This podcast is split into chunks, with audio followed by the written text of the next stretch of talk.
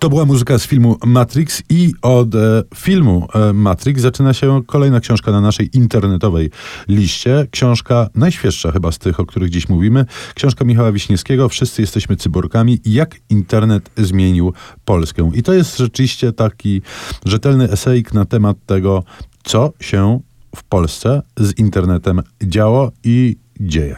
No właśnie, esej to jest dobre chyba słowo, bo to jest książka, która zawiera w sobie szereg informacji bardzo konkretnych i praktycznych dotyczących rzeczywiście rozwoju i postępów internetu w naszej konkretnej polskiej rzeczywistości, ale ma w, w sobie też taki ton lekkiej autobiograficzności, czy właśnie takiego wspominania, jak to e, Michał R. Wiśniewski, e, człowiek generacyjnie, no powiem, że jeszcze młody, prawda? No bo on jest jakiś taki... Młodziutki. Młodziutki mniej w naszym wieku, chyba.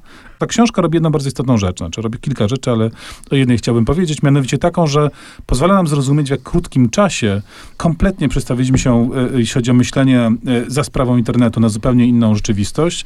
Początkiem, e, taki pierwszy rozdział, tej, pierwsza scena w tej książce to jest opowieść o tym, jak to zginęła MTV, kiedy to w jednym z teledysków występujący w nim aktor mówi, a teraz proszę was o pozostawienie komentarzy pod tym filmem. To był taki symboliczny moment, kiedy telewizja przestała trzymać rząd dusz, bo rząd dusz trafił do internetu. Ciekawe, też porządkujące, myślę, że przede wszystkim dla nieco starszych pokoleniowo osób, które mogą być lekko zagubione w dzisiejszych realiach internetowych, to będzie dobre wprowadzenie. Tymczasem do twórczości Wojciecha Orlińskiego powróćmy na chwilę. Napisał on e, biografię inżyniera, e, który nazywa się Paul Bejran. Mm, Baran jest napisany jak... Baran, jak niech ci będzie.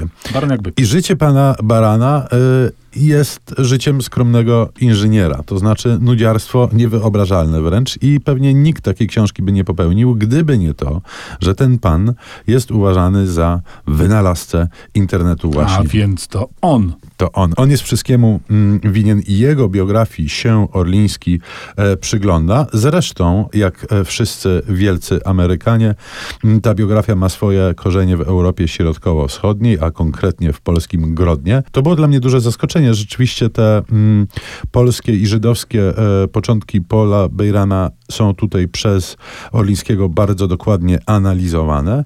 No ale później następuje opis dochodzenia do internetu od uniwersalnego e, komputera Univac po system Ampex. Natomiast ty jęknąłeś takim oskarżycielskim e, tonem, Nie, jak taki żarcik, to był żarcik, że pan Baran, tudzież Bejran jest e, odpowiedzialny za wynalezienie internetu.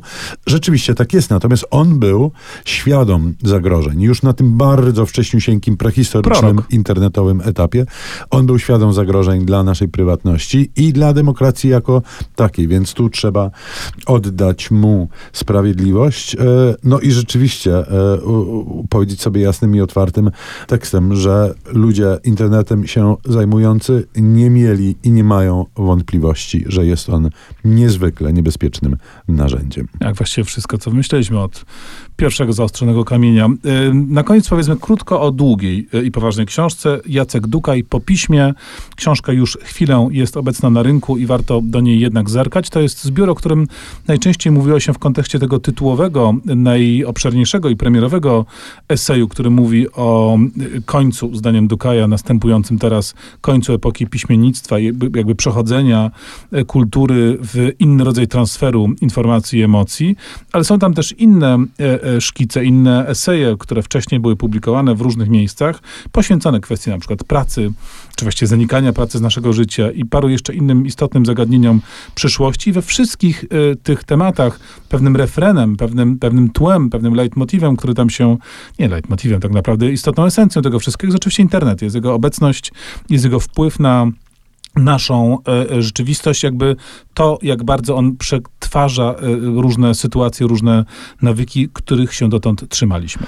No to skoro w wirtualu tkwimy, to przenieśmy się do niego także muzycznie, filmowo i posłuchajmy fragmentu ścieżki dźwiękowej z firmą Tron w wykonaniu Daft Punk.